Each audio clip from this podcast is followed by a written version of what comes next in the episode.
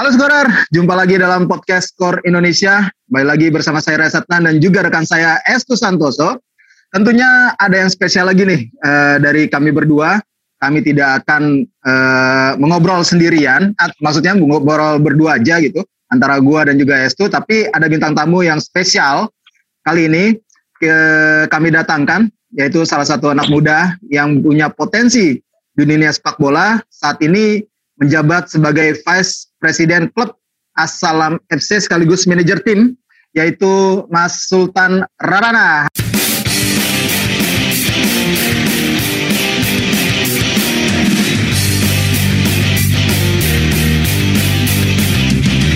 Halo Mas Sultan Rarana, apa kabar? Halo, apa kabar Mas?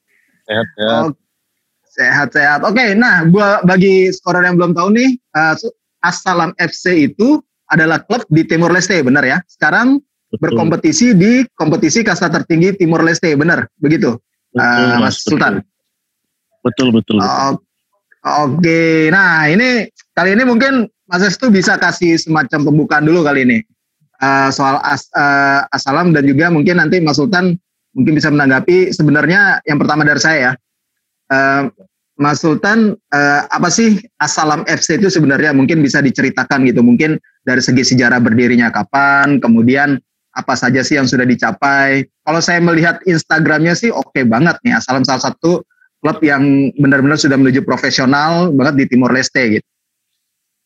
Ya, uh, jadi uh, Asalam itu memang dibentuk itu untuk representasi perjuangan umat Muslim di Timor Leste dan mm -hmm. itu awalnya komunitas uh, semua penduduk-penduduk uh, Islam di sana, muslim-muslim di Timor Leste.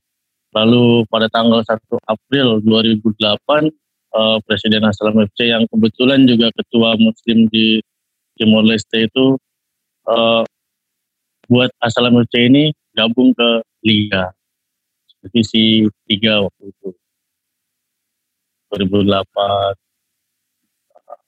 habis itu okay. uh, jadi ya belum ada kepikiran buat buat untuk maju ya karena masih hmm. pada saat itu mungkin banyak kendala terus banyak yang dipikirin juga jadi yang penting uh, mereka punya klub sepak bola saat itu. Oke oke jadi 2008 oh, ya. Oke. 2008. Oh berarti sudah 12 12 tahun. Iya 12 tahun ya sudah 12 tahun. Wow luar biasa berarti kalau di Timur Leste itu kalau boleh tahu uh, mulainya berarti dari kompetisi paling bawah dong dari amatir kemudian naik ke level lagi yang kompetisi kasta kedua atau langsung langsung pertama nih ketika masuk ke kompetisi? Mungkin pada waktu 2008 itu cuma ada LFA 1 sama Segunda ya. Uh, Liga 3 oh, okay. itu belum lalu ada. Jadi uh, untuk dari tahun 2018 baru ada di divisi 3 kalau mulainya dari divisi 3.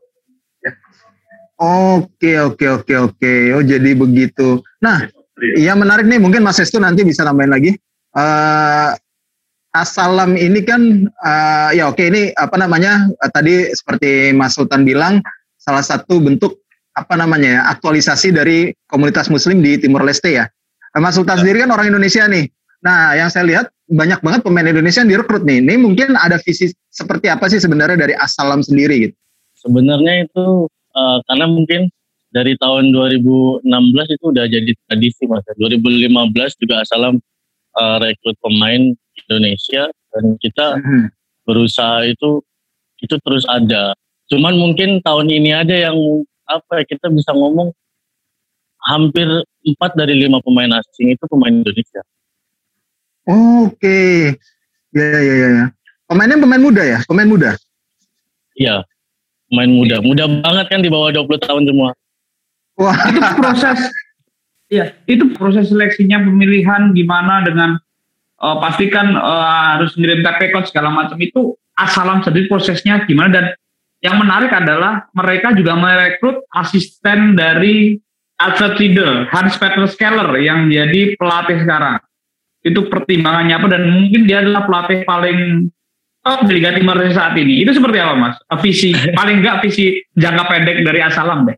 di tahun 2014 2015 itu uh, saya masih jadi delegasi dan manajer juga di Asalam saya sudah buat uh, perancangan untuk 10 tahunnya Mas. Jadi tahun tahun 2016 itu kita mulai rombak apa tahun 2017 itu kita rombak apa jadi kita pelan-pelan step by step uh, terus yang kedua soal perekrutan pemain itu kita itu lihat CV banyak. Hampir ada seribu CV yang masuk di email Asalam lalu kita cek satu-satu ada beberapa admin sosial media juga yang kita minta tolong untuk cek CV-nya mana yang bagus.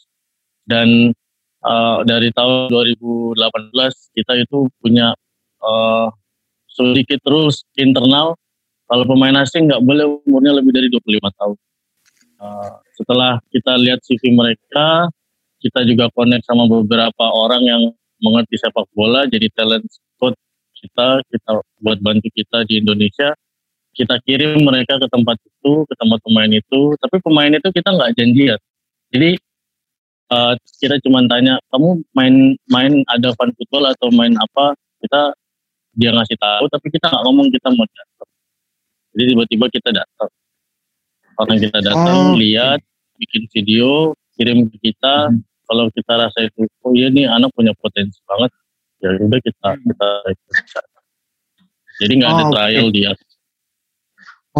oke okay. nah kalau di Timur Leste ini kalau boleh tahu kriteria ada kriteria tersendiri nggak untuk regulasi pemain asing gitu atau masih dibebaskan gitu nggak mesti harus pemain timnas gitu kalau untuk Asia atau seperti apa kalau di Timur Leste sendiri kalau regulasinya kayaknya belum ada mas kayak Indonesia ya. Kalau Indonesia kan minimal main di divisi berapa atau di liga berapa tapi kalau di di, di Timur Leste ya itu belum ada. Hmm. makanya kita hmm. uh, mengusahakan tuh terutama apalagi saya orang Indonesia saya pengen dong pemain Indonesia itu ada di klub saya. Iya betul. Makanya kita kita pun sepakat ya udah kita cari pemain yang muda gak usah pemain yang yang punya nama besar atau apa kita nggak nggak butuh lah pemain yang terkenal terkenal yang penting bisa berkembang sama klub itu jauh lebih bagus oh iya iya iya iya nah yang menarik juga uh, Mas Sultan ini kalau boleh ceritakan uh, kalau boleh saya ini lahir di Bali ya benar ya ya atau tinggal di Bali atau atau hanya lahir di Bali nah, atau hanya tinggal di Bali? Kelahiran saya itu Jakarta, tapi saya hmm. dari kecil itu tinggal di Bali. Oh gitu, berarti kelahiran ya. Jakarta dari kecil tinggal di Bali, gitu ya. Nah, yang menarik lagi dari Timor Leste sendiri nih, uh, Mas Sultan, uh, kalau boleh tahu kan kalau kompetisi kasta tertinggi itu main cuma di stadion yang satu stadion ya, kalau di kasar di municipal stadium itu ya, kalau nggak salah di Dili gitu. Nah, kalau dari klub-klub sendiri peserta sebenarnya sudah punya rancangan nggak sih sebenarnya untuk membangun stadion sendiri atau training ground sendiri? Nah, sekarang khususnya Asalam nih seperti apa? Yang pertama saya mau ralat uh, stadion di Timur Leste itu nggak cuma ada satu. Mm-hmm. Jadi ada lima stadion di sana. Oke, okay, yang dipakai tapi keseringan yang satu stadion itu. Ya? Kalau ya? kalau tahun tahun 2008 mungkin iya masih satu stadion ya. Tapi kalau Oke. Okay udah 2010 ke atas itu udah ada sampai sekarang ada lima stadion itu ada di Bakau, oh. ada di Dili, ada di Manatuto, hmm. ada di Ermera. Hmm. Jadi ada stadion itu ada lima. Nah kalau okay. untuk uh, klub sendiri itu uh, kita memang dituntut sebenarnya diperbolehkan semua klub itu bikin stadion sendiri, bikin training ground sendiri. Jadi nggak dipersulit hmm. sama pemerintah untuk untuk hal-hal seperti itu. Makanya Asalam sendiri uh, punya uh, rencana yang matang sudah dari lama.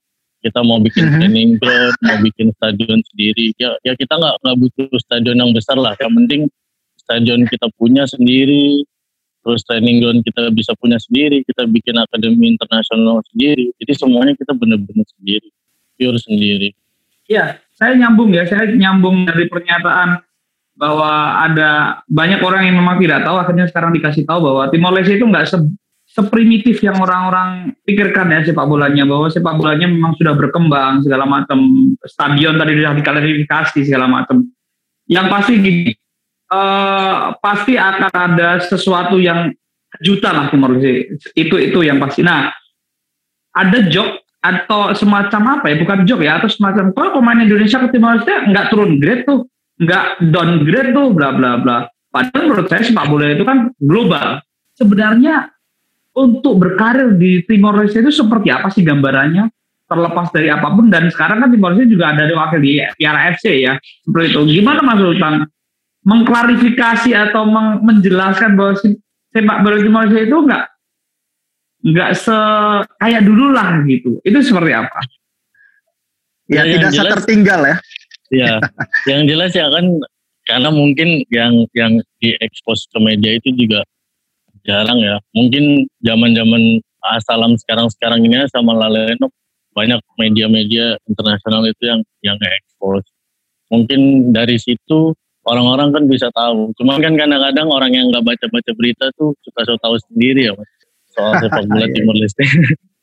ya kalau kalau dibilang kemunduran sih nggak juga karena sepak bola Timur Leste itu bisa dibilang itu semakin semakin berkembang lah nggak mungkin lah ada sepak bola itu yang yang jalan di tempat pasti semua berkembang justru yang yang makin lama berkembang itu rata-rata yang makin turun tapi kalau yang negara-negara yang kayak Timor Leste yang berkembang ini saya rasa bakal jadi kejutan untuk dua atau tiga tahun ke depan di Asia saya saya yakin karena semua presiden klub di sana itu punya ambisinya masing-masing dan sepak bola di Timor Leste itu adalah pride kebanggaan gitu jadi apa pun yang terjadi kita harus menang, kita harus kompetisi secara fair play. Eh, uh, ada rival sana sini itu. Jadi rival pure 90 menit. Setelah itu kita ya tetap tetap sama-sama saudara satu, satu negara kan. Kalau di dalam negeri kan banyak diributkan soal uh, jatah subsidi berapa, terus disiarkan televisi atau tidak. Nah, kalau di Timur Leste coverage broadcastnya seperti apa sih? Mungkin Mas Sultan bisa kasih tahu terus uh, ada nggak sih maksudku kompensasi komersial gitu yang didapatkan oleh klub-klub uh, di Timur Leste saat ini ya karena kan menuju profesional pasti ada misalkan dapat hak siar ataupun ada semacam subsidi mungkin dari operator atau dari uh, Federasi Timur Leste seperti apa sebenarnya kalau untuk uh, soal itu?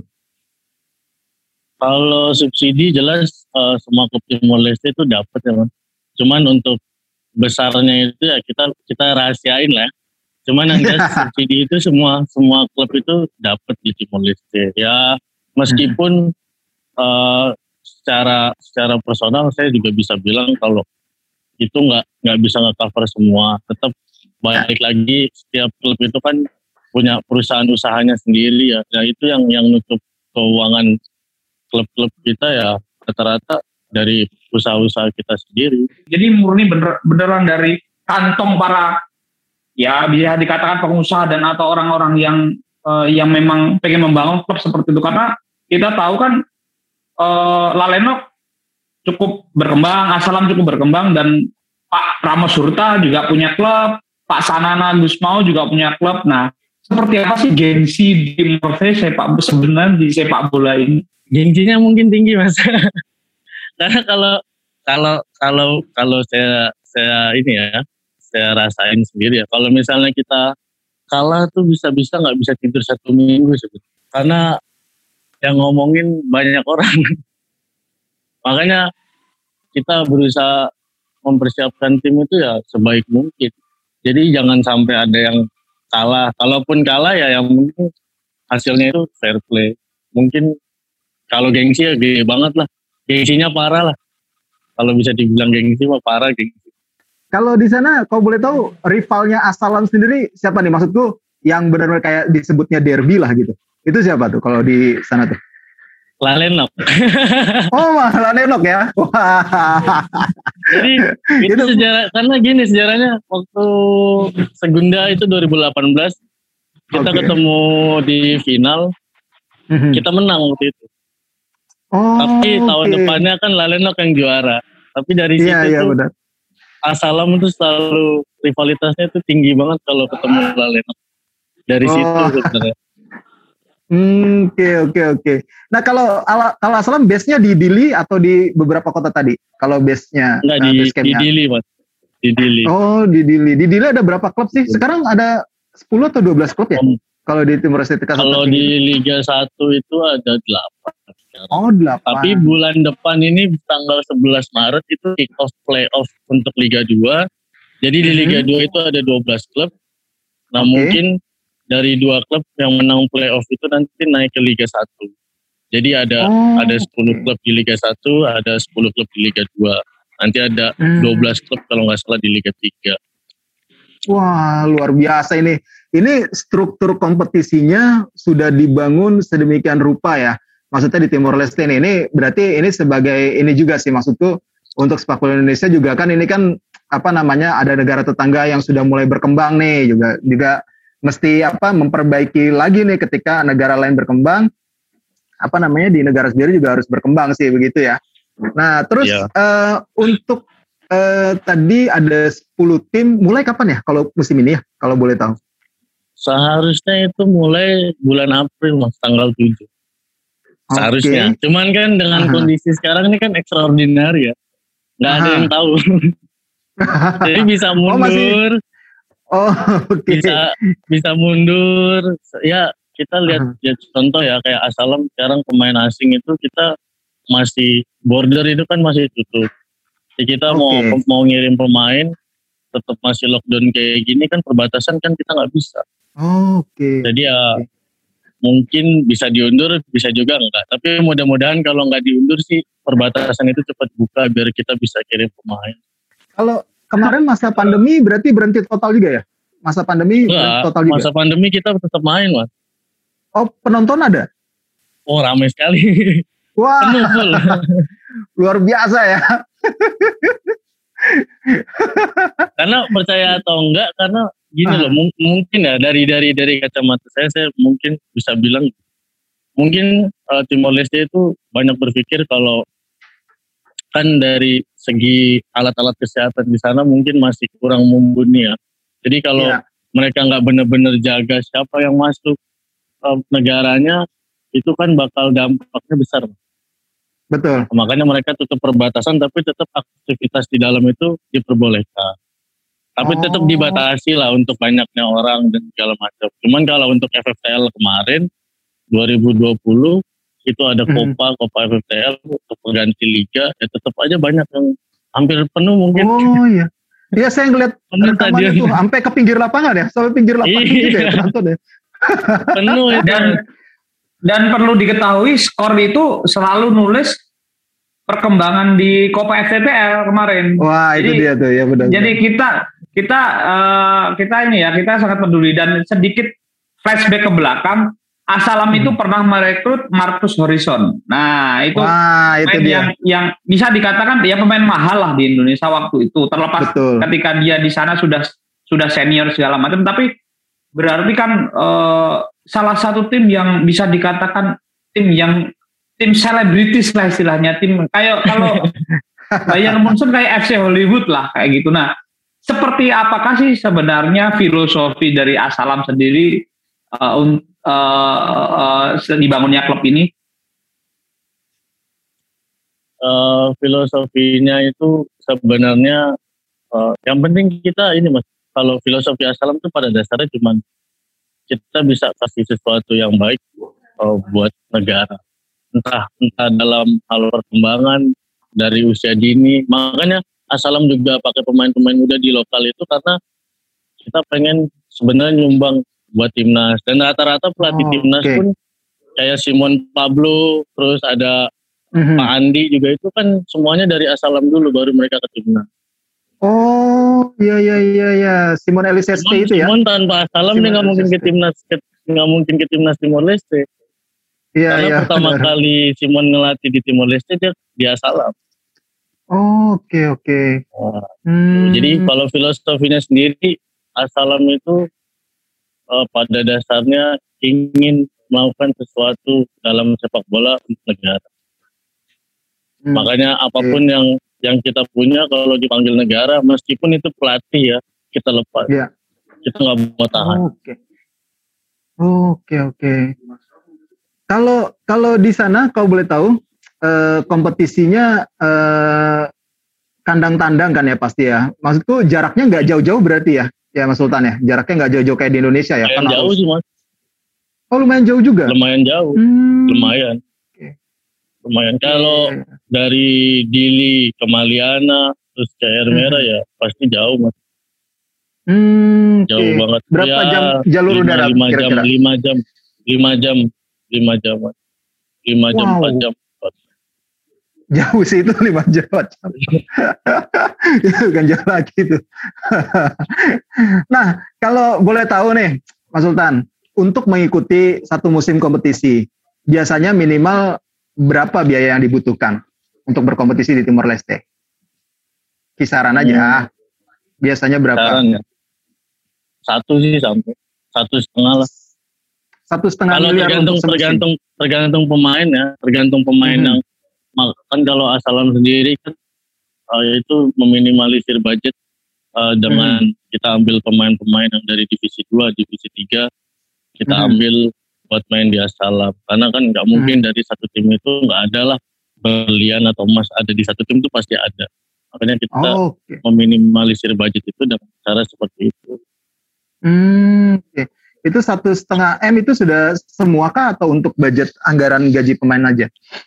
Itu udah semua itu kan udah termasuk sama semua lah mas itu hampir Hmm, segitulah hmm. yang biasa kita kita keluarin anggaran cuman untuk dua tahun ini kayaknya itu di bawah satu karena kan Oke. banyak banyak kendala kayak covid ini terus Hmm. pemain-pemain juga ya mau gimana kita juga kan kita perusahaan kita yang paling utama itu kan eh, tiket tour and travel ya jadi dengan Iya. kondisinya pandemi kayak gini jelas kita nggak bisa berbuat banyak Hmm. karena kan sistem kita offline kita nggak nggak bisa jualan tiket dan segala macam jadinya ya, mau nggak mau eh, pemain juga harus ngerti ya kita beruntungnya pemain kita kan ada yang udah 8 tahun ada yang udah tujuh tahun jadi mereka ngerti gitu.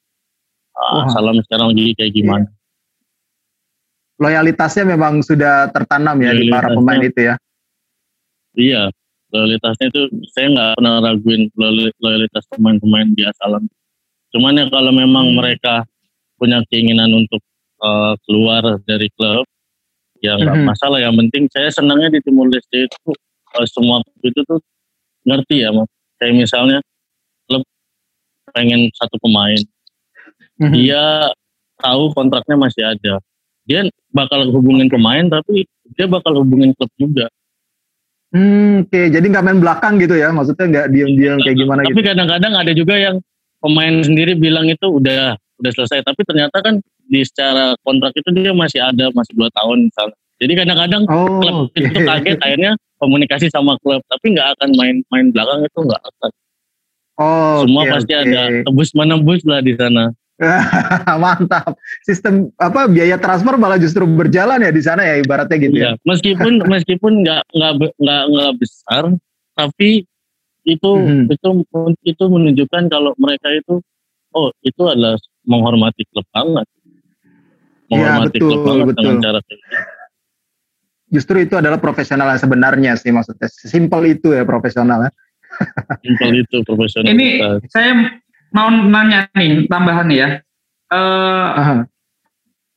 Mas Sultan ini kan orang Indonesia dan pasti sedi- sedikit banyak tahu sepak bola Indonesia. Nah, saya nggak mau menyinggung sepak bola Indonesia karena eh, itu bukan ranah kita di hari ini gitu. Tapi saya pengen tahu bahwa kira-kira, kira-kira nih Timor Leste itu akan berapa lama lagi sih bisa menjadi ancaman? Nggak cuma Indonesia ya, ancaman bagi Malaysia, bagi paling tidak seperti Laos, Kamboja yang sekarang mulai grow up lah timnya. Ah, Kira-kira seperti karena Timor Leste kan sempat kena kena sanksi karena kebanyakan pemain naturalisasi beberapa tahun yang lalu. Nah, sekarang seperti apa pembenahannya dan kira-kira masa depannya itu kayak apa sih sepak bola Timor Leste, utamanya tim nasional?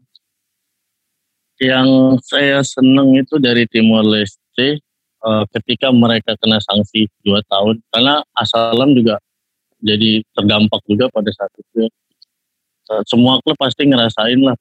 Percuma kalau kita menang nggak ada yang main KFC kan juga di situ semua klub kan pasti ngerasain. Nah makanya Betul. saya senang sama Timor Leste apa ketika mereka kena sanksi nggak ada lagi namanya naturalisasi semua klub itu Oh. mulai pemain yang muda-muda itu di, dibina semua terus pemain timnas yang usia eh, 16 tahun pasti yang masuk ke sana itu 13 14 nggak ada yang umur 15 16 rata-rata pasti di bawah itu semua sampai ke tim senior makanya kalau saya bilang ancaman untuk berapa tahun ke depan.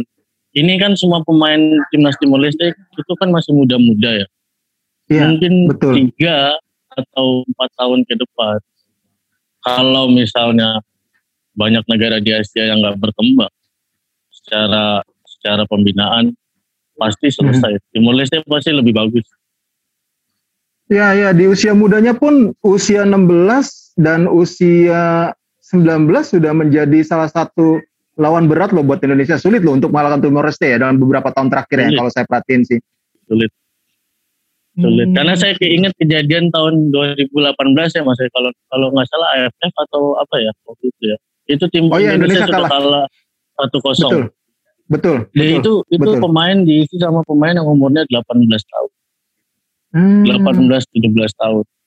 Tapi Indonesia tetap pakai pemain yang di atas itu ya. Di atas Iya, umur iya, itu iya, yang 23 tahun, 24 tahun. Itu kita bisa lihat kalau misalnya pada saat itu di babak kedua Indonesia nggak merubah skema permainan pasti kalah. Iya, betul. Pasti kalah. Betul ketinggalan lebih Iya. dulu ya, betul. Ketinggalan lebih dulu betul. Karena kan karena kan eh, balikinnya dia pasti babak kedua. Di babak kedua Indonesia baru bisa cetak gol. Betul. Tapi kalau 3-1 ya Indonesia kalau nggak merubah itu. skema, iya. Kalau dia nggak merubah skema di babak kedua, Indonesia pasti kalah. Dari situ kan terlihat, oh sepak bola tim, timnas Timor Leste ini berkembang. Karena mereka Iya. ngandelin pemain-pemain muda. Stop naturalisasi itu yang paling yang paling utama sebenarnya. Hmm. Ya, Itu yang paling benar utama. benar benar. Ya, ya, ya, betul betul betul. Nah, Kalau musim di sana ini ada buat takrib. sorry, musim ini eh, bo- boleh eh, musim ini kan eh, Lalenok kembali di Piala AFC setelah jadi juara. Nah, Iya. kira-kira target Asalam untuk level Asia eh, berapa tahun lagi nih? Berapa musim lagi nih eh, yang dicanakan dan ke Asia kan nggak nggak cuma hanya tim ya, infrastruktur segala macam supporting harus harus lengkap. Kira-kira Asalam betul. targetnya berapa lama lagi? Asal rencananya tahun depan. Tapi kan Wah, kita tapi kan kita sadarnya gini eh, saya sama presiden itu sepakat kalau kita mati-matian eh, bisa juara misalnya tapi kita Mhm. nggak pegang AFC License Club itu percuma kita nggak bisa main di Asia Iya, jadi betul betul betul. jadi tahun ini kita benahin struktural yang AFC eh, minta itu kemarin kita untuk finansial kita sudah reportnya sudah bagus. Terus tinggal struktural aja kita kan butuh direktur teknik. Ya, makanya Peter itu gabung sama kita karena pertimbangan kita yang pertama dia tahu sepak bola Asia.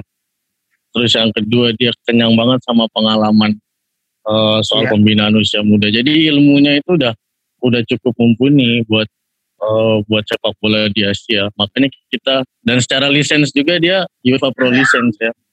Ya, betul. jadi eh, pertimbangan kita itu udah matang banget datengin Peter. Hmm, Oke oke. Kalau di sana ada lisensi minimal untuk pelatih nggak sih? Ada. Dari Bagus. tahun ini Apa- karena kan asosiasi pelatih itu kan baru terbentuk tahun lalu Oh, oke. dan sekarang lisens paling tinggi itu kan di Timor Leste karena lisens kursnya itu masih baru itu yang Hmm. paling tinggi itu baru B license.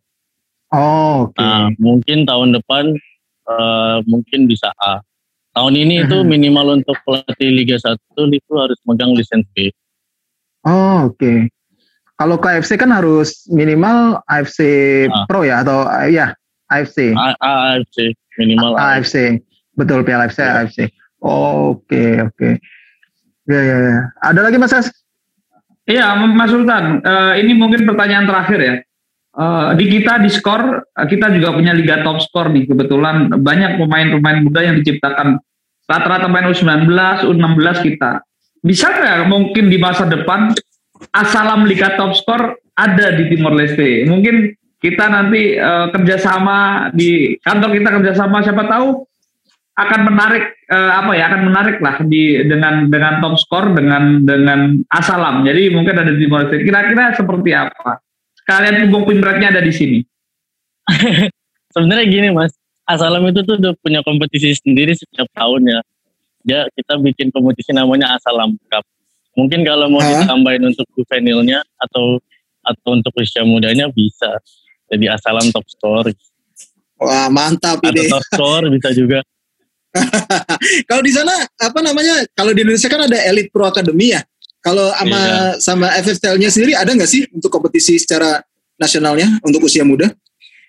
Ada, namanya Juvenil, Liga Juvenil. Oh, usia berapa tuh? Itu, kalau boleh tahu. Itu tahun lalu sih under 14, mungkin tahun ini ada under 16, under 14.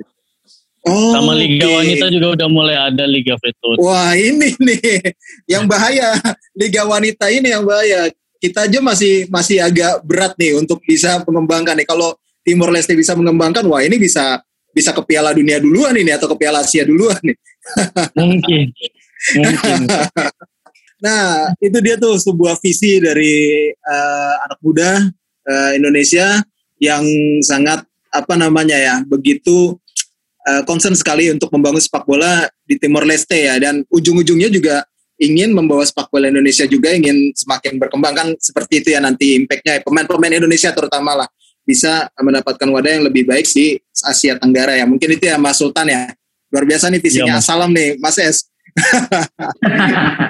Yang pasti Indonesia harus harus sedia pasang muda-muda lebih kuat.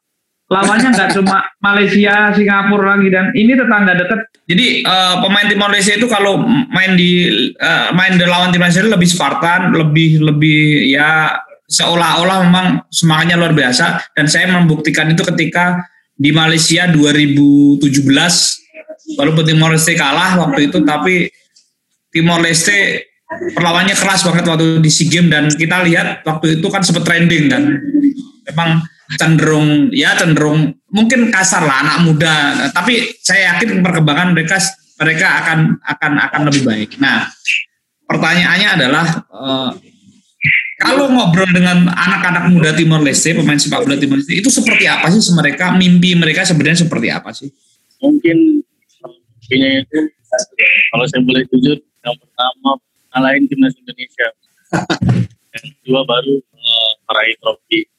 Apa yang pengen yang belum diungkapkan dari dari semua mungkin pertanyaan kita terselip atau apa yang masih bisa masih bikin diungkapkan? Mungkin uh, ini mas ya, saya cuma mau teruskan kayak yang tadi kita dari awal buat statement kalau pemain Indonesia main di tim itu kalau menurut menurut contoh lah dari asalan sendiri uh, itu bukan penurunan karir. Justru kami ngambil pemain muda dengan adanya saya Indonesia di Timor saya juga pengen turut andil uh, membantu perkembangan sepak bola di uh, Indonesia dan juga Leste. Saya juga pengen turut andil dalam makanya saya ambil pemain-pemain yang muda yang mungkin jarang dilirik sama klub-klub di Indonesia yang kita tahu. Sistem rekrutan untuk anak-anak mudanya itu tidak rumit banget. Makanya saya kasih kesempatan mereka main di Leste biar mereka itu bisa jadi pemain. Biar mereka tahu atmosfer sepak bola profesional seperti apa. Meskipun dalam tanda kutip ini adalah negara yang kecil tapi atmosfernya itu nggak kalah jauh sama Indonesia dari situ mental pemain akan terbentuk. Jadi kalau mereka bilang penurunan karir apa kabar Marco Motta yang dari Juventus dari Italia sana main ke Indonesia apa itu penurunan karir? Itu kan nggak bisa dibilang kayak gitu. Karena setiap uh, klub dan setiap individu pemain itu punya pertimbangan masing-masing. Kenapa ngambil pemain muda kenapa pemain ini mau main di tim itu juga ada pertimbangan jadi uh, buat uh, semua masyarakat Indonesia ya kan harusnya mereka lebih mendukung pemain-pemain yang mau keluar negeri daripada mereka di dalam negeri tapi kurang dilihat sama sama kotanya itu sih dari dari saya secara Oke, okay, itu tadi uh, thank you banget buat Mas Sultan. Thank you banget buat apa namanya? Uh, berbagi pengalamannya, kemudian mungkin uh, visi misinya uh, pada kami mudah-mudahan semakin membuka mata uh, masyarakat sepak bola terhadap sepak bola Timur Leste gitu. Thank you banget Mas Sultan sekali lagi.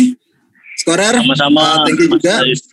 Sama-sama Thank, uh, Skorer, thank you juga udah dengerin kami. Jangan lupa terus pantau uh, podcast Skor Indonesia lainnya. Saya Rasatnan dan juga rekan saya Eswen Santoso dan yang pasti kita tadi dapat ancaman dari Timor Leste kita harus lebih maju sih Pak Budensa harus harus berkembang itu itu uh, warning buat kita semua. Oke, kami bertiga pamit.